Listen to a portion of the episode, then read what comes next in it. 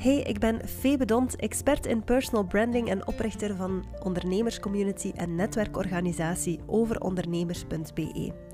Ik geloof heel hard in de kracht van authentiek zijn en ik hoop jou met deze podcast dan ook te inspireren om nog meer naar jezelf op zoek te gaan, meer jezelf te zijn en vooral ook meer van jezelf te laten zien. Volg mij op Instagram of LinkedIn voor nog meer tips, inzichten en verhalen. Veel luisterplezier!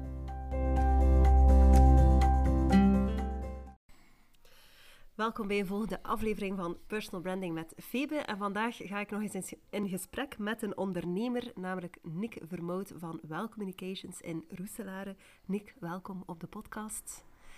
Jij welkom, uh, Febe, bij Wel. Dankjewel om in ons kantoor langs te komen. Ik kijk er naar uit naar uw bezoek. Het is onze eerste fysieke, echte kennismaking. Ja. Nick, stel jezelf eens voor. Wat moeten de mensen over jou weten en over Wel? Uh, ik ben Nick Vermout. Uh, ik ben papa van twee kindjes. Uh, vervent holfer. Um, ik kan daar heel mijn passie in kwijt. Dus ik ben ook heel veel buiten ook. Wij wonen ook op de buiten. Voor mij is dat belangrijk ook, die natuur. ik ben een lezer. Ik lees ook heel veel. Ik reis graag. sinds kort ook officieel auteur. Mm -hmm. Al moet mijn boek naar uitkomen, maar het voelt goed aan. Ik heb daar een tweede passie in gevonden. Dus er komt nog vervolgen aan.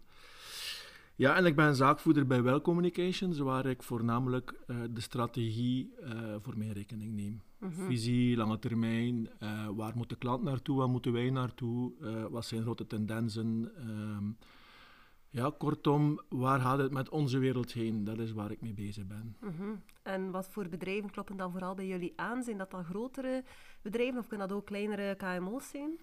Dat zijn voornamelijk grotere bedrijven. Het is goed dat je die vraag stelt, want ook dat is een stukje evolutief. Hè. Wij komen van een periode met wel waar we voornamelijk uitvoerend werden. Uh, heel projectmatig. En daar was onze belangrijkste klanten of belangrijkste doelgroep, dat waren vooral brandmanagers. Dat heb ik bijvoorbeeld over de grote fastmovers als een Heinz, uh, Nutroma, uh, Ikea, waar we voor werkten. Daar spraken we echt wel met de brandmanager, de marketingmanager ook voor een groot stuk. Maar gaandeweg kwam bij ons meer en meer die, die nood zeg maar, aan het meebepalen van visie en strategie. En dat kun je niet op uitvoerend niveau. Dus zijn we voor een stuk geëvolueerd naar de zaakvoerder, de ondernemer, de KMO-leider, zeg maar. En daar is eigenlijk een zoektocht geweest van ons. Ja, maar wie is dan de ideale doelgroep? Dat is zo heel breed. En nu merken we dat onze, de DA, onze ideale klant, zit eigenlijk bij de bedrijfsleider weliswaar, uh, maar die zo vanaf 100, 150 medewerkers zit. Omdat we merken dat daar veelal uh, die bedrijven aan een soort groeiplafond zitten, waar ze ergens op zoek moeten naar een herdefiniëring, herbronning, uh, visie, uh, de strategie van ja, wat gaan we met ons bedrijf naartoe? Hoe krijgen we die neuzen terug in dezelfde richting? Hoe kunnen we terug naar de intimiteit van toen dat we ooit zijn begonnen? -hmm. en, en daar kunnen wij echt wel potten breken. Dus, en dat is nou maar duidelijk geworden sinds de laatste jaar, zeg maar. Dus het is een evolutief proces, maar het is heel duidelijk dat het gaat over uh, de ondernemer, waar we mee kunnen ondernemen samen. Ja. ja. Ik vond het uh, heel opvallend toen dat je jezelf voorstelde dat je meteen begon met een aantal persoonlijke dingen te benoemen. Mm -hmm. Dat je papa bent, uh, dat je graag leest, dat je graag schrijft. Um, zou je jouzelf tien jaar geleden ook op die manier voorgesteld hebben? Want de meeste mensen vertellen onmiddellijk wat dat ze doen. Uh, vooral professioneel dan. Is ah, dat heel is bewust? Dat ja, ik denk dat wel. Goh, wie ik ben, ik ben meer dan, dan puur die ondernemer en, en die bezig is met zijn vak. Ik ben absoluut een vakidioot. Hè. Ik ben zot van mijn vak. Ik ben gepassioneerd van mijn vak. Ik ben niet meteen een vakidioot. Uh, maar ja, ik ben ook bezig met die dingen waarom ik het doe, wat mij drijft en zo. En daarom denk ik, ja, is dat bewuster dan daarvoor ben? Ik denk het niet, maar misschien ben ik daar wel in geëvolueerd ook. Mm -hmm. uh, en bij mij is dat wel heel fluïde. Hè. Wat ik doe, um, professioneel, en wat ik doe omdat ik het graag doe, privé, en, en, wie ik ben, professioneel of privé, denk ik dat dat heel in elkaar overloopt. Mm -hmm. Denk ik eigenlijk, dat niet meer ja. staan. Ja, dat denk ik uh, is voor veel ondernemers het geval. En als ze het dan beseffen en ook effectief gaan gebruiken in hun communicatie, of hoe dat ze zichzelf voorstellen, dan, dan wordt dat ook wel heel authentiek. Mm. Dan, dan gaat het echt van mens tot mens. Mm. En niet meer van ondernemer of um, leverancier naar klant. Mm. Ja, klopt. En daar haal je wel iets aan, Febe, want authenticiteit is voor mij, dat klinkt wel wat cliché, maar authentiek zijn is voor mij heel belangrijk. Mhm. Als, als ik mezelf niet kan of mag zijn, eh, dan voel ik dat meteen ook direct. Authenticiteit start van wie dat jij bent. Mhm. Hoe dat jij je gedraagt, bepaalt hoe authentiek een ander zal zijn. Heb ik op een bepaald moment gesnopen ook. Ehm, dus dat is wel heel belangrijk. Ja, Ja. voor mij wel. Daarnet zei je van "Hey, het laatste jaar is mij echt duidelijk geworden waar dat mijn dada zit, waar dat mijn passie zit. Kan je iets vertellen over dat proces? Is er iets dat dat in gang heeft gezet? Maar ja, hey, heel veel. Het is een lang verhaal hoor, ik weet niet hoe lang dat de podcast mag duren. Maar eigenlijk, kort, eh, ehm, is het zo wat heel, zoals vele dingen, ehm, in gang getrokken met de lockdown. Hè. Dan zit je thuis. Eh, van de ene dag op de ander, uw team zit ook thuis, maar het is nog een heel groot team. Eh met accountmanagers die niks meer om handen hadden. Hè. Onze productie draaide nog wel. Hè. Productie was toen development, branding, eh, ons studiowerk, zeg maar. Je had nog wel wat een agenda daar rond, eh, maar wij zaten van één dag op ander thuis, wisten precies niet wat doen, wat, pin- wat paniek ook. En op een bepaald moment was Vanessa, mijn vrouw, die zei van, weet je wat, laat ons gewoon onze klanten bellen en vragen hoe het ermee is. Ik vond dat een super idee, maar toch niet zo om handen. en toen hebben we ehm, via HubSpot, hè, dat is Ja. eh, au- automation systeem, onze klanten eh, een e-mail gestuurd en gezegd van kijk, je kunt ons een uur boeken per dag. We hebben toch niks te doen hè, en je mag bellen voor gelijk wat. Misschien kunnen we wel steun vinden bij elkaar. En vrij snel was die agenda helemaal vol voor de komende twee weken. Dat was super boeiend. Ja, dat was echt zo boeiend. En, en eh, je merkte dat je niet enkel zelf hoop kreeg, inspiratie, motivatie, maar je had het ook. Mhm. Hè? En ehm, op een bepaald moment bellen er andere mensen van ja, ik heb gehoord dat, maar je zijn wel geen klant, maar wij willen iets lanceren en kunnen ons daarbij helpen. Dus dat was eigenlijk een superleuke uitdaging. En toen hebben we Snopen, of ik althans, er meteen ingezien van dat is eigenlijk wat purpose is. Dat is wat een why is. Weet je, als je alles afneemt en je kunt je product niet meer verkopen, wat blijft er dan nog over? Mm. En dat bleek inspiratie te zijn. Wij geven inspiratie aan mensen, doordat, voornamelijk ondernemers, zodat ze terug eh, zelf geïnspireerd zijn, eh, hoesting krijgen, de juiste zaken aanpakken, eh, impact kunnen genereren. Dat is waarom wij het doen. En dan merk je ook van als je inspiratie geeft, dat je er zoveel terugkrijgt.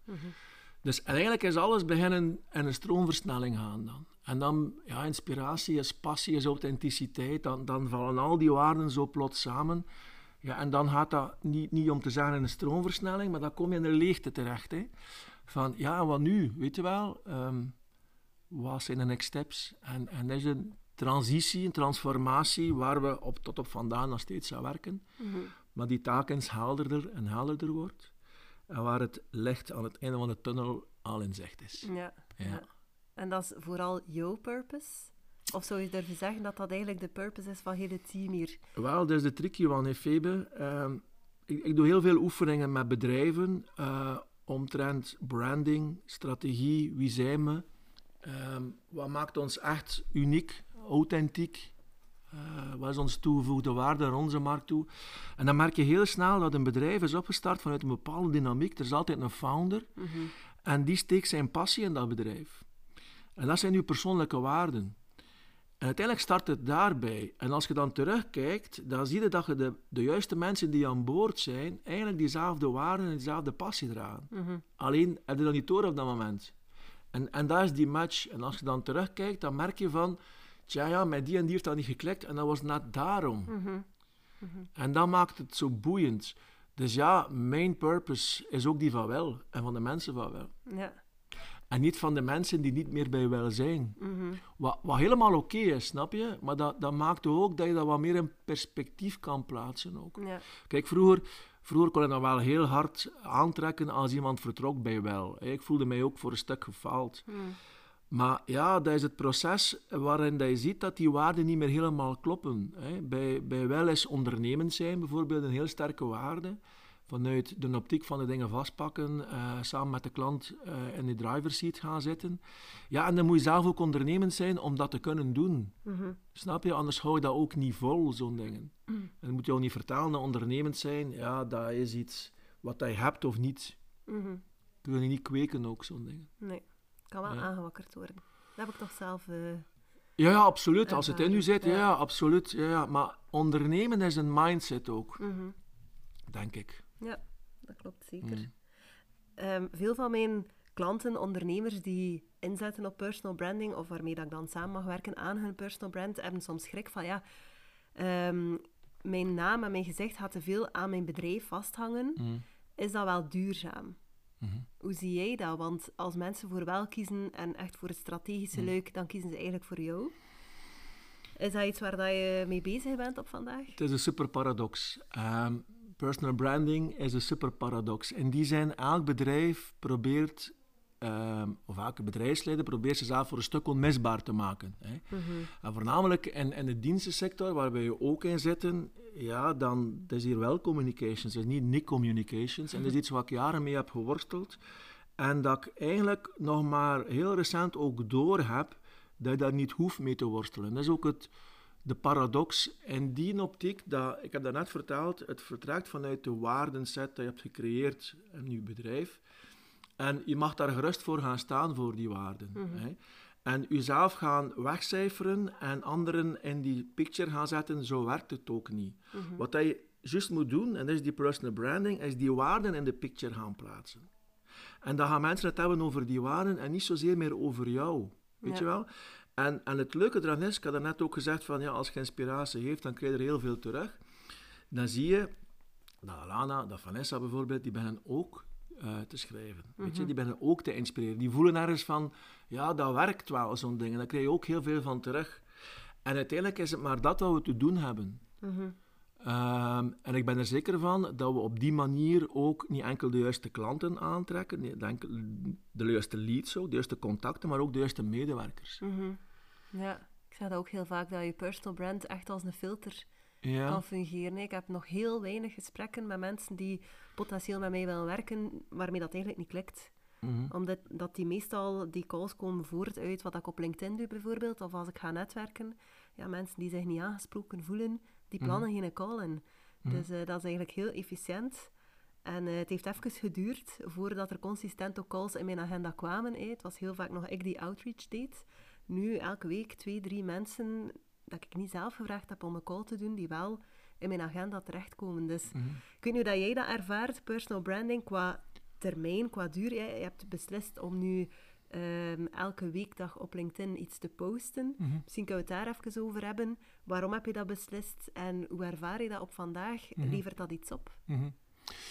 Mhm. Maar ik, ik heb dat niet gedaan met het idee van ik wil een personal brand hebben. Ehm, ik weet ook niet of ik een personal brand heb. Ik heb wel een autoriteit uh, verworven, dat merk je wel. Ehm, dat merk je aan, aan dingen zoals, ik, ik ga heel eens voor VOCA keynotes gaan geven zitten altijd wat mensen tussen die mij volgen op, uh, op LinkedIn. Mm.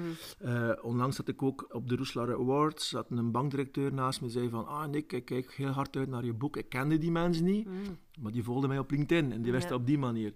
Dus het heeft wel een heel grote impact. Maar ik ben het eigenlijk begonnen vanuit, ook vanuit die inspiratie-idee. Ik had zo gewoon uh, voor mijzelf de purpose aangenomen van ik wil minimum elke dag iemand inspireren. Ik vond dat al heel wat. Dan heb je dus 365 mensen geïnspireerd mm. op een jaar. En dan dacht ik van, ja, eigenlijk is LinkedIn wel een super medium. Hè, want ik word wel eens gevraagd om keynotes te doen. Maar dat zijn er misschien één of twee per maand. Ehm, dus dat zijn nog heel wat dagen dat je niet kunt inspireren. Ik doe dat wel bij klanten ook. Dus dacht ik van ja, ik ga het met LinkedIn proberen uh, om, om, omdat daar ook het businesspubliek zit en omdat ik denk dat ik daar ook het meeste impact kan maken. En zo is die idee gegroeid. Dus ik ben gewoon begonnen met schrijven. Wanneer ongeveer? Uh, eh, 4 oktober, denk ik, was het. Oké. Ja, ja, ja, niet toevallig 4 oktober. Nadien heb ik zitten denken, het is de verjaardag van Wel op 4 oktober. Uh, mooi. Ja, ik ben beginnen schrijven en ik, uh, ik wist eigenlijk... Ik had geen leidraad ook. Ik dacht van ja, ik ga schrijven over mijn passie. Ik weet nog, een van de eerste berichten was over mijn zandbak. De zandbak is voor mij de metafoor van, van een passie. Dus waar je energie van krijgt. Ehm, ja, en dan dacht ik van, me zie wel waar ik allemaal over schrijf. En dat, dat liep zo spontaan, dat was zo leuk om te doen. En nog altijd is dat voor mij een heel leuk proces. Ik sta om zes uur op. Om zeven uur zit ik aan mijn bureau mhm. om te schrijven. En dan ben ik drie kwartier, een uur bezig Mhm. aan dat ene artikeltje. Uh, vaak denk ik ook na van, ja, wat ga ik nu eens brengen? Mhm. Ik heb al mijn thematieken uiteraard. Hè. Ik schrijf Ja. over leiderschap, ik schrijf over ondernemerschap, over strategie, marketing, communicatie, tendensen. Ja, eigenlijk is het, vind, ik, vind ik overal wel inspiratie in. Ehm, en, en ik ben geslaagd als ik één impressie heb en één like heb. Mhm. Dan haal ik meestal wel. Ja, ik denk dat jouw cijfers wel ondertussen al een stuk hoger liggen. Ik Ja, weet dat je het niet puur daarvoor bent beginnen doen, ja, maar hè, wat zijn zo wat de... Ja, wat, is, wat zijn de harde cijfers eh, op dit moment op LinkedIn voor jou? Wel, dat gaat hard hoor. Als je elke dag publiceert, ehm, je, je bouwt een publiek op, laten we zeggen tot een honderdtal per, per week volgers. Die erbij komen. die erbij komen, ja, dat, is toch wel vrij, dat gaat toch wel vrij Ja. snel. Maar je, je, je bouwt een bepaalde cadans op en een bepaalde lezerspubliek op wel. Hè. Eh, er zijn mensen die verwachten ook dat, ze, dat je een mening hebt over iets Mhm. en, en dat je over iets schrijft ook. Ehm, dus ja, die cijfers zijn wel impressionant op den duur. Ik denk dat, dat de uitschieter is ongeveer, denk ik, een 60.000 impressies. Mhm. Eh, hebben ze daar effectief helemaal gelezen? Dat weten niet, maar ik denk het wel. Hè, want Ja. er zijn ook altijd, ja, er zijn ook berichten die maar met moeite 2000 halen. En dus dat moet ergens wel kloppen. Hè. Ja. Je bent ook een frequent eh, LinkedIn-poster, dus dan weet je wel dat je soms verwachtingen hebt van, ja, nu heb ik hier iets geschreven dat Ja. heel de wereld enthousiast over zal zijn. Zoals die ene keer over de purpose van, ehm, van de NASA, dat ik dacht van, wauw. Maar dan was er ergens een probleem met LinkedIn en hebben we ja. moeite 72 mensen gezien en dachten van, damn, jammer. Maar ja, ehm, Dat gebeurt. ja, sowieso. eh, maar ik, ik heb wel het gevoel van hoe meer dat je post, hoe meer dat algoritme jou wel ruimte heeft om mensen te, jou te laten ontdekken, denk ik Ja. wel. Ja, Ja. dat klopt. Ja, dat groeit wel. Volger heb je op dit moment op LinkedIn? Eh, Ongeveer? ik, ik weet het niet, eh, 4000 of zoiets om er vanaf Ja. te zijn? Ja. Ja, zoiets. Ik lees wel al jouw posts eh, helemaal. Allee, super. Als ik ze zie, hè. Dus Ja. ja. ja. Ik vind het ook wel heel inspirerend wat je deelt, eh, de onderwerpen, de manier waarop. Allee, leuk ook- om te horen. Ik, ehm, wat- wat is jouw mening over eh, de lengte van een post op LinkedIn? Mm. Daar wil ik het wel een keer over hebben. Eh, Mhm. Ik zie dat bijvoorbeeld ook jouw vrouw Vanessa heel eh, actief is. Hm. Bij haar zijn het vaker veel langere berichten dan, dan bij Mhm. jou. Ehm, er is daar zeker een publiek voor, eh, dat, ga je, dat ga je me zeker niet horen zeggen. Ik ben zelf nogal vaak to the point. Ik zou ook Mhm. wel een keer iets langer durven schrijven. Maar ik haak wel soms af als het te lange posts zijn. Ik ook. Ja, ik vind jouw lengte wel Ik ook. ideaal eigenlijk. Ja. Eh, ja, ik, ik vind ook dat het mag niet te lang zijn. hè. Mhm. LinkedIn is een snel medium, je gaat daardoor. Ik ook ga door die walls eh, s morgens en als ik kan, s'avonds ook nog eens. Dus ik zie ook niet alles. Eh, dus daar ga je heel snel door. Daarom is het ook belangrijk dat je je eerste lijn, dat je voor een stuk wel weet, waar gaat dit hier over. Mhm. Ehm, maar ik heb altijd zo, en, en alles wat ik altijd heb gedaan, ook in mijn ontwerpen, wat er niet evident is of wat er niet eh, in moet, dat moet ook weg. Ja. Eh, alles wat te veel is, eh, schrappen die handel. Mm, mhm. Ook geen twee keer hetzelfde zeggen. En dan ga je zien dat je teksten echt vrijwel reduceert. Dus ik, ik heb wel een doel als ik een artikel schrijf. Wat wil ik dat mensen onthouden? Ja. Of wat is de boodschap dat ik wil brengen? En als ik dat bereik, dan is dat voor mij genoeg. Veelal is dat in een zin of vier, vijf, zes misschien, zeven. Mhm. Maar ik kan het ook in twee of drie zinnen doen. Dus het gaat niet over het volume. Nee. Ehm, ja, en, en dat is misschien een tip. Als je LinkedIn post, probeer dat wel heel to the point te doen. Eh, zeg je boodschap, maar maak dat niet te lang. Mhm. Ja. Ja, dat is ook mijn gevoel. Ehm, ik zie heel veel foto's bij jouw post ook. Dus allee, ehm, het was geen verrassing hoe dat je eruit zag natuurlijk voor mij toen ik hier binnenkwam, want ik zie jou veel voorbij Mhm. komen. Maar wat ik bijvoorbeeld dan niet veel zie bij jou, is video. Terwijl dat je eigenlijk een hele vlotte babbelaar bent. Is dat een Ja, bewuste straf, keuze? Of... Nee, het is puur... Ik ben lui ook, hè, Febe. Een video vraagt wel wat inspanning. Mhm. Ehm, ja, nee, inderdaad. Ik, ik geloof heel sterk in het medium, hoor. Want eh, we zijn heel veel bezig met contentstrategie ook. Ik kom nu net van een klant ook. Dan zie je die cijfers passeren van, van zodra we met video beginnen werken op die reeltjes en zo. Mhm. Ja, dat werkt gigantisch. De impact daarvan is super ook. Eh, je kan ook inderdaad een sfeer en een toon meegeven. Maar nee, ik ben er nog niet mee bezig geweest, eh Febe. Eh, Mhm. ook niet met podcasts bijvoorbeeld. Mhm. Ik, ik denk er wel aan om iets te doen rond mijn boek. Ehm, ja, vertel een keer waarover dat je boek gaat. Of mogen we dat nog niet weten? Jawel, Ja. absoluut. Ja, ja, ja. Ah, wel, ik ga zeggen, Vanessa is de eerste die hem mocht lezen. Oké. Ze Ze heeft officieel de eerste draft gekregen dit weekend. Ah. En zij zegt natuurlijk, mijn vrouw, en ze houdt van mij, eh, dat het leest als een trein, super inspirerend is en heel veel inzichten heeft. Ik heb dat niet gezegd, de Febe, Nee. dat zegt Vanessa. mooi. Ja, leuk. En, en zo voelt het voor mij ook aan, want ik, ik wil ook die inspiratie brengen. En wat ik voornamelijk wil brengen is dat eh, ondernemers hebben iets in zich wat eh, een, een ander segment in de maatschappij niet geeft. Dat ondernemerschap, dat zijn voor initiatief, eh, kapitaal ook. Ondernemers hebben kapitaal, willen risico nemen. En ik denk dat het momentum gekomen is dat ondernemers de wereld eigenlijk in handen moeten nemen.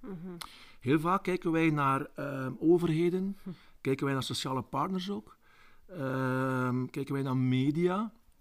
En dat zijn allemaal zaken die op vandaag geen vertrouwen meer genieten. Er bestaat zoiets als de Edelman Trust Barometer. En jaar op jaar wijst dat hetzelfde uit dat eh, eh, NGO's nog een klein beetje meer dan eh, media, maar dan media minder en dan het minst overheden. En het meest is eigenlijk bedrijven en de CEO's. Krijgen het meest vertrouwen van consumenten. Dus dat wil voor een stuk wel iets zeggen.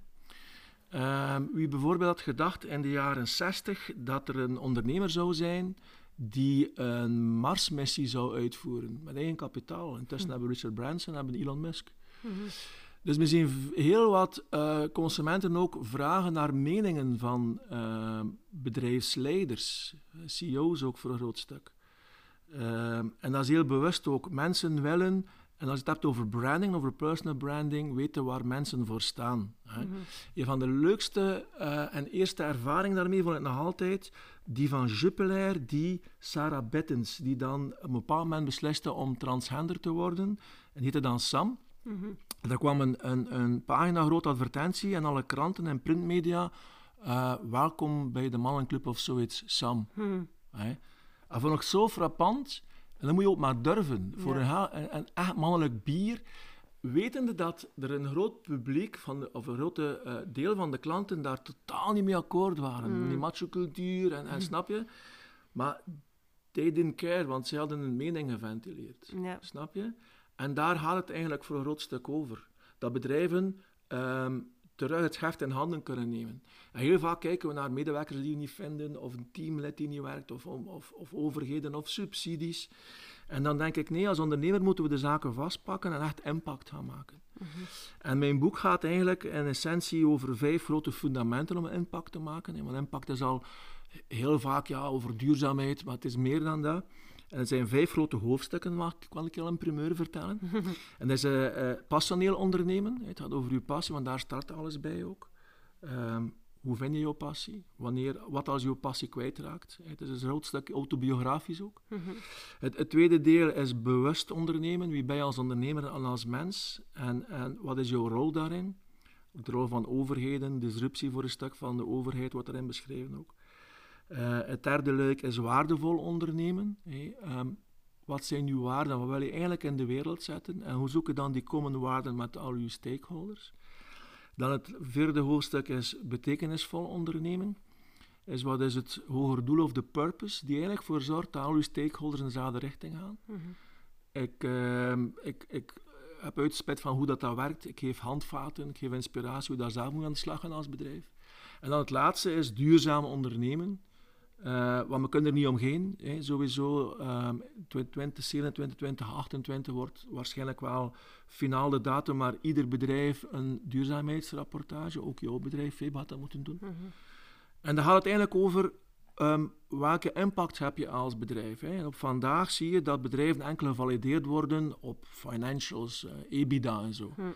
Maar de menselijke, maatschappelijke, ook het planetaire op vandaag, de klimaatproblematiek, gaat op een stuk ook mee je bedrijf valideren. En eigenlijk is dat wel goed, want dan maak je eigenlijk een impact op, op alles. Weet je wel? En het ding is dat we te veel uit de maatschappij, uit de wereld halen en te weinig teruggeven. En dat non-financial deel, zo heet dat nu ook, non-financial validatie en, en financial validatie, gaat ervoor zorgen dat er terug een harmonie komt, denk ik, ook voor een stuk. Dus, en ik eh, wil met dat boek eh, voor een stuk inspireren, maar voor een stuk ook waarschuwen waar we naartoe gaan. Want ik geloof effectief dat bedrijven die niet voor die impactvolle toekomst kiezen, binnen vijf of tien jaar niet meer gaan bestaan. Mhm. en, en, sommigen zeggen van, dat is te snel, uh, maar je hebt wel een punt. En anderen zeggen, zeggen van, ja, het gaat nog veel sneller gaan. Dus de waarheid zal ergens in het midden liggen, mm Oké, okay. ja. boeiend. Ik vind het ook wel. Ja? Uh, hoe is het proces geweest om een boek te schrijven? Ah, super hoor. Um, ik weet niet hoe het komt, maar ik weet het wel hoe het komt. Ik, had al, ik speelde al een tijdje met die inspiratie. Ik was op LinkedIn aan het schrijven en, ik, en ik, ik, schrijf heel graag. Ik lees ook heel graag. Hele bibliotheek thuis. Ik verslind ongeveer twee boeken in een weekend. Amai. Ja, ik kan supersnel lezen ook intussen. En uh, ja, op een bepaald moment was ik uh, met een groep ondernemers in de Ardennen. En daar is die idee ontstaan van, wat als ik nu eens een boek schrijf? Want ik wil zoveel mogelijk mensen bereiken. En met een, uh, met een boek heb je ook wat autoriteit, heb je ook wat thought leadership en Tuurlijk. geloofwaardigheid en bereiken toch veel mensen. En zo het boek beginnen schrijven vanuit het idee dat mijn ego een boek zal neerzetten over marketing en hoe je dat dan best doet. Het is echt vanuit die ding ontstaan. Even hetzelfde dat proces. Maar al heel snel werd dat autobiografisch, dat werd dat heel kwetsbaar. En dat ik plots door van, tja, het gaat over andere dingen hier. Dus het is een gigantisch proces geweest. Ik heb dan ook uh, helemaal solitude gaan schrijven. Ik ben in San Francisco gaan schrijven, in Orleans gaan schrijven, zes, zeven, acht dagen aan een stuk. Hmm. Enkel schrijven, tien à uur per dag, is een heel eenzaam beroep. Een paar keer mezelf tegenkomen, ja, echt waar. Heel eenzaam beroep. Hmm. Ehm, een vreemd land ook zijn. Ehm, maar het heeft er ook voor gezorgd dat je in die diepte kunt gaan. En dat is net het leuke aan uh, schrijven, zowel op LinkedIn elke dag of een boek, omdat je effectief kunt gaan uittypen waar je nu zo sterk in bent en dan komt het leuk aan het proces, dan ontdek je dat je bezig bent met die waarom. Mhm. Dat je dingen doet. Dus zonder dat je beseft, kom je op die why terecht. Ja. En dat is eigenlijk heel het proces geweest van het boek ook. Wanneer is het eerste woord geschreven geweest? Dat moet ergens in november zijn ook. Uh, ja, november, ja, november vorig jaar. Het is heel snel gegaan. Ik heb dat boek geschreven in zes maanden tijd. Mhm. Ik vind dat toch snel, want ik ben geen beroepsschrijver. In die zin, ik schrijf in het weekend of als ik mijn inspirations deed. Wat, hoe heet ik dat dan? De inspirations. um, maar zes maanden vond ik heel snel. Mhm. En het leuke eraan is, ik heb het laatste hoofdstuk geschreven... Um, nog niet zo heel lang. 1 mei. Op 1 mei ben ik naar Watou geweest. In het uh, huisje van, mijn, van, van een vriend van mij, Francesco. Die heeft daar een huisje in Watou, in alle stilte, net aan de grens. Superleuk. Ik heb dat drie dagen geschreven. En plots viel heel dat boek in elkaar. Het was Mm. super mooi om te zien dat al, die hoofdstukken zo in elkaar begonnen te vallen en dat die cadans er was. Ja. Ja, het, het is, het is superleuk om te doen. Ehm, ja, ik zou het iedereen aanraden. Omdat het voor een stuk jezelf verdiept in je zoektocht. Wie ben je als mens en wat wil je in de wereld zetten. En dat je ook voor een stukje je expertise meegeeft. En dat vind ik belangrijk. Ik vind dat we moeten gaan naar een, naar een open source model waar iedereen alles deelt. Mhm. Ehm, ik denk dat, dat, dat mijn boek en mijn ideeën ook weer mensen gaan aanzetten die daar nog een stuk kunnen boven gaan. En Mhm. die, die zichzelf kunnen overstijgen. En, en dat ik daar gewoon een duwtje in de rug was, bijvoorbeeld. En, Mhm. en daarom moeten we het doen, denk ik. Ja. Ik ga twee belemmerende overtuigingen delen, waarvan dat ik denk dat mensen die luisteren ze nu al denken of voelen. De eerste is, ja maar Nick, ik kan bijvoorbeeld niet goed schrijven. Hmm. Hoe kan ik dan elke dag iets delen op LinkedIn, laat, allee, of elke week? Hoe kan ik dan in godsnaam beginnen aan een boek? Kon jij goed schrijven? Of Dat is hè? Ja, Ja. dat is hè? Kijk, niemand kan goed schrijven of kan slecht schrijven, Febe. Mhm. Eh, ik, ik kan wel schrijven, hè, maar Vanessa heeft ook gezegd, "Daan, er staan veel schrijffouten in. Ik ben communicatiespecialist, maar er staan dus veel schrijffouten in mijn eerste draft. Mhm. En, en alles wat ik schrijf, laat ik wel nalezen hier ook, omdat ik vind dat dat wel belangrijk is, wat professioneel ook. Mhm.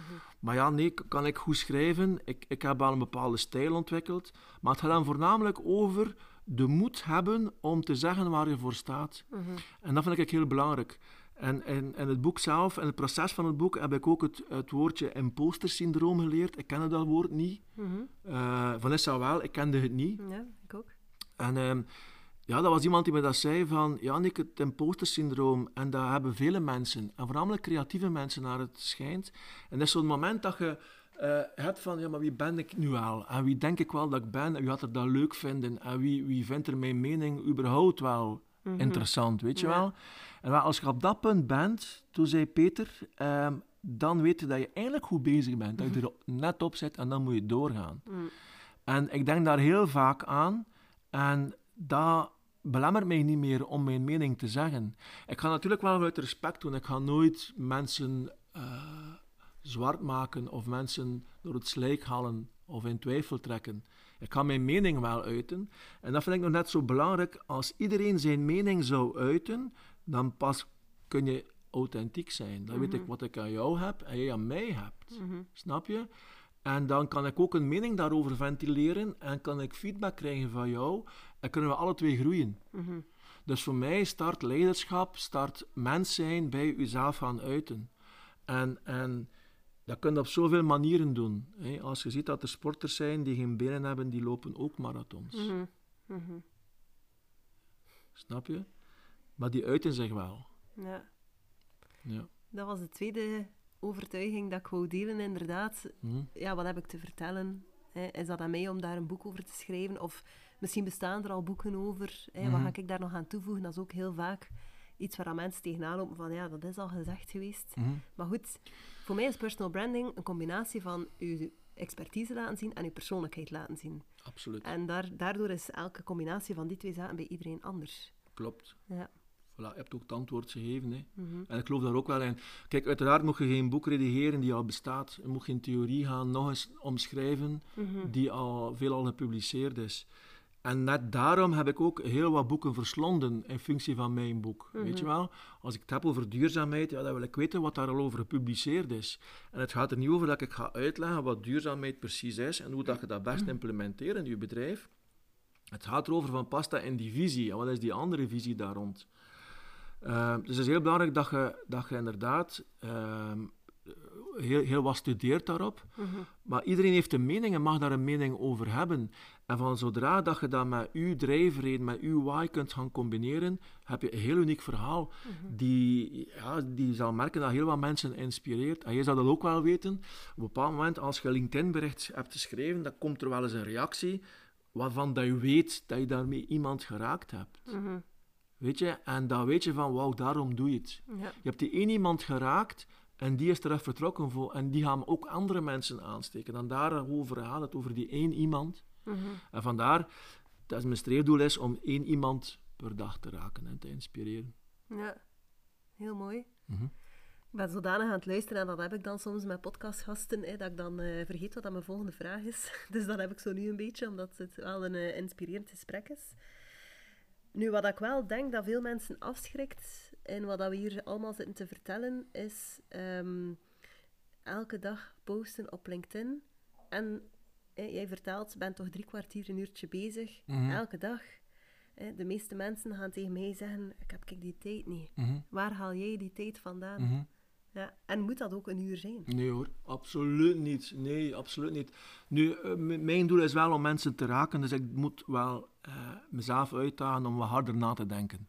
Eén, twee, eh, ik doe het zo graag, het drijft mij, het is mijn, het is mijn brandstof. Hè. Dus voor mij is dat even goed hetzelfde of dat je drie uur je Tesla moet aan de laadpaal hangen. Komt bijna daarop neer. Dat laat mij ook op, want als ik het niet kan doen, hè, ik was onlangs in verlof, en ik, ik heb daar moeten van afkicken. Dat was, dat was echt moeilijk om niet te schrijven of om niet te piepen op, eh, op LinkedIn. Heb je geen enkele keer gekeken? Jawel, ik heb wel eens gezien hoor, Ehm, maar dat was echt wel sporadisch, om de drie dagen een keer zo. Ehm, maar ik was echt oprecht blij toen dat ik eh, terug kon publiceren. Mhm. Want dat is heel frappant. Ik had dat ook gewoon zo geschreven van, damn, ik ben zo blij als een klein kind bijna dat ik terug mag publiceren. En dat was eigenlijk totaal geen inhoud. En er was nog iemand die schreef van, ja, ben je nu hier een bericht aan het schrijven om te zeggen dat je aan het schrijven bent? ik zei, ja, eigenlijk wel, want ik ben zo blij dat ik terug ben. Nu, dat, dat heeft meer dan 10.000 impressies gehad, meer dan ja. 100 likes gehad. Dus ik denk dat dat aanstekelijk werkte, weet je wel? Eh, dat het authentiek was ook voor een groot stuk. Dus moet dat drie kwartier duren, een uur? Nee, totaal niet. Het is wat dat jij ervan uit wil halen. Hè. Mijn doelstelling is om mensen te inspireren en die diepte in te gaan. Ja, en dan kan ik niet anders. Als het is om aanwezig te zijn en de nodige eh, notoriteit, maar dan geen autoriteit, maar naamsbekendheid te genereren, dan hoeft dat echt niet zo lang te duren. Maar blijf wel bij wat jij in de wereld wil zetten. En daar kun je bijvoorbeeld een, een halve dag heel hard over denken wat je de komende weken gaat schrijven. Mhm. Je hoeft ook heus niet elke dag te publiceren. Mm. Zeker niet, niet de bedoeling. Ehm, nog eens, eh, eh, ehm, ik heb mezelf die kwestie genomen om elke dag te inspireren. Dus ik kan ook niet anders om het te doen, dus sterker dan mezelf. Maar het helpt wel als je een bepaalde autoriteit wilt opbouwen. En als tot leadership en autoriteit voor jou belangrijk is, dan is het een heel sterke en goede investering. Ja. Mhm. Daarnet zei je, ik ga misschien een iets intiemere vraag stellen, eh Nick, als ik mag. Je moet maar Mhm. zeggen als je er liever niet op antwoordt. Maar eh, je zei, ik sta om zes uur op en eh, om zeven uur zit ik dan aan mijn bureau, begin ik te schrijven. Je bent iemand die heel erg bezig is met jezelf, persoonlijke ontwikkeling, weten wat dat goed voor je is, wat dat er u oplaat. Ehm, iets wat dat soms aan bod komt in trajecten bij mij is ook ochtendroutine. Wat is een goede ochtendroutine om je dag goed te beginnen? Eh, je kijkt zo naar mij van, Hm, wat Nee, nee, nee, nee. wat komt er nu? Maar mijn vraag is, ja, er zit een uur 's morgens tussen het moment dat je opstaat en dat je begint te werken. Doe jij specifieke dingen om je dag goed te beginnen en de beste versie van jezelf te kunnen zijn? Of Nee, niet bewust? Nee, eigenlijk niet bewust, eh Febe. Eh, ik vind het wel belangrijk om s'morgens mijn kop koffie te krijgen. te krijgen, te nemen. Ja. En dan loop ik alles buiten bij ons op de boerderij rond. Ehm, maar nee, ik kleed me vrij snel op, om en zit vrij snel ofwel in mijn auto ofwel in mijn bureau thuis Mhm. om, om te schrijven. Eh, een ochtendroutine? Nee, eigenlijk niet. ja. Nee, ik, ik denk niet dat ik eigenlijk routines heb. Misschien wel, maar ik ben er niet bewust mee bezig. Mhm. Waarom Ja. is dat belangrijk, die, die routine voor jou? Wel, er bestaan daar heel veel theorieën over, hè, hoe Ah, dat je je dag krachtig kan beginnen. Hè. Dus sommige Oh, ja. Mediteren eerst 10 minuutjes, eh, doen een wandeling voordat ze echt eh beginnen te werken. Hè. Eh, omdat ze weten dat het dat hen helpt of hen energie geeft om dan heel die dag eigenlijk de beste versie van zichzelf te kunnen zijn. Dus zelf experimenteer ik daar ook wel graag een keer mee. Ik heb een periode s'morgens gemediteerd. Ehm, op dit moment doe ik dat niet meer. Ehm, ik heb ook gewoon een tijdje s'morgens een wandelingetje gemaakt, om, even, om er niet ook direct in die rat race te gaan. Ik weet dat Maarten, eh, mijn man, dus heel vaak nog mediteert morgens eh, als hij opgestaan is. Ehm, ja, mij helpt dat wat, want anders ben ik ook wel direct, vlieg ik er direct in. En ik heb mij daar lang tegen verzet, omdat ik dacht, hé, dat mag niet, eh burn-out, eh, risico, eh, wat, wat is je er allemaal niet over? Maar eigenlijk is dat voor mij wel de beste manier om mijn dag te beginnen. Heb ik nu ook een aantal weken geleden beseft. Dus ik sta op. ehm, ik maak sowieso mijn planning eh, op zondag namiddag of avond voor heel de week. Dus ik weet waar al mijn afspraken zijn, welke doelen dat ik wil bereiken of wat dat ik zeker gedaan wil hebben tegen de vrijdag. Eh, Dat heet dan de Friday Finishers, met een hippe term. Ehm, en dan weet ik ook, hè, dat maak ik hier op mijn... ehm, ik heb zo'n digitale notitieboek hier ook voor mij. Maak ik eigenlijk iedere dag mijn planning van afspraken, maar ook to-do's die ik wil doen. En eh, beslis ik welke doe ik eerst om de dag te starten. Hé, wat is mijn prioriteit van die dag? En ik sta op rond 6.30 uur, kwart voor zeven zet ik eigenlijk onmiddellijk aan mijn computer en doe ik die eerste taken. Waardoor dat ik het gevoel heb van oké, ik ben nu vroeg beginnen werken. Ik kan ook iets vroeger stoppen, want ik sport ook heel graag. Dat is voor mij heel belangrijk, maar ik hoef dat niet per se 's morgens te doen om de dag te starten. Ik doe dat dan graag achteraf, als ik het maar gedaan heb. Of eh geef mijzelf de vrijheid om overdag eh, die tijd te nemen om te sporten en dan verder te werken.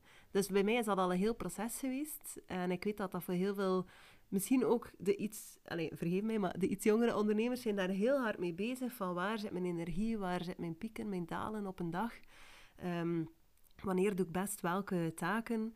Hoe sta ik op? Wat is het eerste dat ik doe? Dat heeft een grote impact op de rest van uw dag. Dus dat komt bij mij soms aan bod, omdat personal branding ook gaat over zelfontwikkeling, zelfontdekking, de beste versie van jezelf zijn. Mhm. En eh, heel vaak komen we dan uit op het onderwerp productiviteit en efficiëntie bijvoorbeeld ook. Mhm. En dan hoor ik van, ja, ik kom er niet toe. Of, eh, dat, dat project ligt nu al zo lang op mijn plank en ik weet dat ik daarmee bezig zou moeten zijn, maar dat lukt mij niet. Dus soms ben ik ook een beetje productiviteitscoach op dat vlak. Want ze maken daar dan geen project van. Ze weten niet wanneer dat ze eraan zouden moeten werken. Dus er zit daar dan iets mis in die dagindeling. Dus vandaar de vraag, eigenlijk lang verhaal. Wow, nee, ik, ik, sta, ik sta versteld eh, hoe dat je ermee omgaat en, en hoe dat je dat inplant en dat je daar bewust van bent. Nee, ik, ik, ik, ja, ik sta er versteld van, Febe. ik, ik ben eerder, ik ben een chaot wel. Hè. Ik laat het op mij afkomen ook. Eh, ik ga sowieso niet plannen wat ik ga doen, want dan ben ik al moe. Weet je? Mm. Ik, ik, eh, ik kijk snel in mijn agenda, Ja. in een auto. Maar bij mij is het ook niet volgepland of zo. Hè? Ja, Ik heb ja, zeker weer 40% redelijk... eh, flexibiliteit. Ja, ja, Maar ik weet wel heel goed, dat moet er zeker gebeuren. Maar dat, allee, dat neemt niet een hele dag in, bijvoorbeeld. Nee, weet je, ik laat het op mij afkomen. En ehm, de- ik voel me daar best ook bij, maar ik snap wel naar productiviteit en efficiëntie dat je dat inderdaad beter anders doet. Maar ik, ja, ik sta me niet te vragen of ik efficiënt bezig ben. ik ben wel bezig met, zit ik in mijn vel? Ja. Doe ik graag wat ik doe? Wat ik heel vaak ook doe eh, tijdens de dag is voelen. Ik voel heel vaak, dat voel ik in mijn buik, voel ik in mijn borststreek, Mm, eh, zit het hier goed bij mij? ja, Dat doe ik wel. Ik probeer constant voeling te houden en niet zozeer in mijn kop te zitten. ja. Eh, maar dat allemaal plannen, nee, dat is echt niet aan mij besteed. Ook niet toen dat je nog geen team had, bijvoorbeeld, waar dat je zaken aan kan delegeren. Was het vroeger anders? Nee, Febe, ik ben echt een rampoperationeel. Ja, echt waar, ik ben een rampoperationeel. Ja, want het zou kunnen, hè. Dat, Dat wel nu... beamen dat ik... nee, nee mijn, mijn agenda wordt gelukkig ook eh, beheerd en, en niet dat dat wordt opgelegd. Mhm. Ehm, maar nee, ik, nee, dat is niet mijn ding. Ja, Maar ik vind het wel geweldig wat hij doet en, en hoe dat je dat allemaal inplant. ja. Maar ik denk dat ik al moe zou zijn s'morgen als ik... Ja, absoluut. dat hoor ik nog van. Dus mijn systeem werkt Ja. zeker niet voor iedereen. Ja, Eh, er moet zeker genoeg ruimte zijn. Maar als je echt dingen wilt bereiken en als je iemand ziet die gemakkelijk uitstelverdrag maar dat klopt eh, gedrag vertoont, ja. dan moet je wel iets Dat klopt, doen. ja. Maar Ja. Als, je, als je zo gedreven bent, of je doet het toch, ondanks het feit Ja. dat er niet echt een planning is, dan is er ook geen probleem volgens mij. Nee, nee, en ik heb ook een, een hele sterke vrouw en dat helpt ook wel. Ja, Ja, zij maakt me wel attent op de dingen die moeten gebeuren ook. ja. Ja. Misschien een eh, laatste vraag. ehm, want ja, jij onderneemt samen met eh, Vanessa. Zij is ook Mhm. nu een beetje haar eigen ding ook gaan doen. Ik volg dat ook op LinkedIn, Mhm. eh, waar zij allemaal mee bezig is. Hoe is het om samen te ondernemen en welke impact heeft dat op jou als ondernemer om dat samen te doen met iemand ja, die zo dicht letterlijk bij je staat? Ja, ik, ik persoonlijk vind dat geweldig ehm, om zoveel tijd te kunnen delen met elkaar. Ehm er is ook een andere rol die je speelt als je mee onderneemt. Bijvoorbeeld, ehm, Vanessa is als onderneemster, vind ik dan persoonlijk, eh, de interpersoonlijke relatie zeg maar, een stukje harder Mhm. of dat ze in relatie is. Ik kan niet zeggen dat dat een, een, een soort rol is, maar Vanessa is wel een, een ja, ik vind ze een harde zakenvrouw. Maar positief bedoeld, hè. Ja, maar ik herken wat je zegt, want Maarten heeft dat ook nog over mij gezegd. Je weet dat ik voor Ah, hem ja, eh, gewerkt heb, maar dat, toen was ik medewerker natuurlijk, dus dat is nog anders. En eh, iedereen vindt mij nogal ook eh, hard en heel gestructureerd. En, Ja, ja, eh, voilà. ik wou op een bepaald moment, ehm, het is een aantal jaar geleden, voorzitter worden in een netwerkorganisatie. En iedereen zei, oei, oei, dat gaat veel te strikt zijn of dat gaat veel te hard zijn. En Maarten zei, ik vind u nogthans super lief. Maar veel mensen die mij niet privé kennen, zien dat niet. Dus ja, ik herken wel wat Ja, hij, dan zegt. zal het Ja. inherent zijn aan Ja, vrouwelijke ondernemers misschien. Ik weet het niet, of, Of- aan de types die jullie zijn. Maar dat maakt het net boeiend, omdat je eigenlijk niks voor elkaar wegsteekt. mhm, En, en kunt zijn wie dat je bent ook. En weet je, als het gaat over het creëren van een veilige omgeving, ja, dan is dat wel een hele goede bedding. mhm. Dus ik vind het geweldig ehm, om te ondernemen samen met Vanessa. Ehm, ik kan zelf eerlijk zijn, ik, ik ha- had en heb daar wel wat angst voor. Ze is dan ook bezig met haar eigen ding. Ehm, ja, dat ze op een bepaald moment zou zeggen van, ja, ik ga nu mijn ding doen en Mhm. niet meer bij wel. Ik had daar soms wel wat angst van, maar dat is dan Mhm. natuurlijk mijn angst, een Ja. stuk. Ehm, maar ik vind het geweldig om dingen samen te doen. Ik zou het niet anders willen. Mhm. En, en er komt bij mij toch niet, eh, is er nog nooit een moment geweest dat je elkaar echt beu bent. Weet je Mhm, wel? mhm. Ja, nu mis ik dat enorm. Dat ik niet meer met Ma- Maarten Ja? eh, werk eigenlijk. Ja, het is nu al twee jaar en eh, ik zou nog kunnen teruggaan naar die situatie. Dus. Maar Ja, dan niet meer als medewerker. Heb je spijt van dan, Febe? Nee, nee, ik heb geen spijt, omdat ik nu mijn eigen ding kan doen. Hè. En hij heeft mij daar ook wel heel hard in gesteund om dat te gaan doen. Want het was anders. Hè. Ik werkte op de payroll hè, voor hem, dus Mhm. eh, dat is een andere situatie. Maar je mist hem wel. Maar we zijn nu zo wat bezig met een klein projectje samen eh, stiekem op te starten. Ja, zie wel. Eh, en, en moest het kunnen, allee, ik, ik denk dat wij zeker nog samen gaan ondernemen Oké. in de toekomst. Mooi dat ik dat zo doorgeef naar Vanessa, dat eigenlijk finaal ze dan toch wel terugkomt. ja, dat je daar Ja, inderdaad oké, zeggen. bij ja. deze kan ik het ook loslaten. Dankjewel, Ja, Febe. voilà, je gaat goed slapen. Ja. Is er nog een laatste iets wat jij wilt delen naar authentiek zichtbaar zijn, authentiek ondernemen, personal branding, iets dat we nog niet gezegd hebben en waarvan dat je vindt als ik, ik zou dat heel graag nog delen als inzicht of als tip. Wel, uh, als het gaat over authenticiteit, dan is het heel belangrijk dat je eerst weet, en dat klinkt cliché, wie je bent en wat je eigenlijk in de wereld wil zetten. En ik merk dat dat nog altijd een moeilijke is. Mm -hmm. dat we vanuit een evidentie voor een groot stuk ook ondernemen. Dus die zoektocht, die bewuste zoektocht naar wie je eigenlijk bent en wat je eigenlijk wil doen en wil nalaten in die wereld, is voor mij de very beginning van uh, authentiek zijn, van personal branding en van impact mm -hmm. geven. Ja. Mooi. Mm -hmm. Dank u. Alsjeblieft. Hiermee gaan we afronden. Merci Nick voor het uh, gesprek. Het was heel boeiend, heel inspirerend. En uh, ik wens jou heel veel succes. Wanneer kunnen we het boek kopen? Uh, het boek komt in de betere boekhandel België-Nederland op 12 februari, als ik me niet vergis. Okay. redelijk laat, omdat de uitgeverij um, mij en het boek wou lanceren begin volgend jaar omdat naar het schijnt alle grote kleppers, wat ik niet ben, uh, op het eind van het jaar uitkomt en dan zou ik in verdrinken. Okay. Maar je vindt mij dus vanaf 12 februari en ze hebben ook beloofd dat ik mee op de boekenbeurs mag met mijn boek. Oké, okay, proficiat. Dankjewel. Ja, veel succes en uh, heel graag tot de volgende gesprek. Dankjewel, Febe.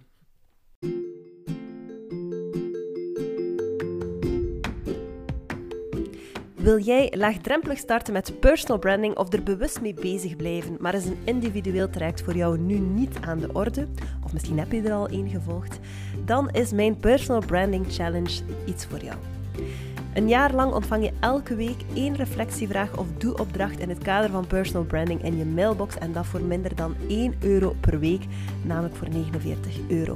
Ideaal voor solo-ondernemers, freelancers of ondernemers met een klein team die zelf op de voorgrond staan. Voor jou als jij je bedrijf bent en dus je expertise en je gezicht moet laten zien. En voor jou als je het belangrijk vindt om met de juiste dingen geassocieerd te worden en een relevant netwerk uit te bouwen. Check, check en check. Let's go, je hebt niets te verliezen. Ik voeg de link naar de challenge toe in de show notes. See you on the other side.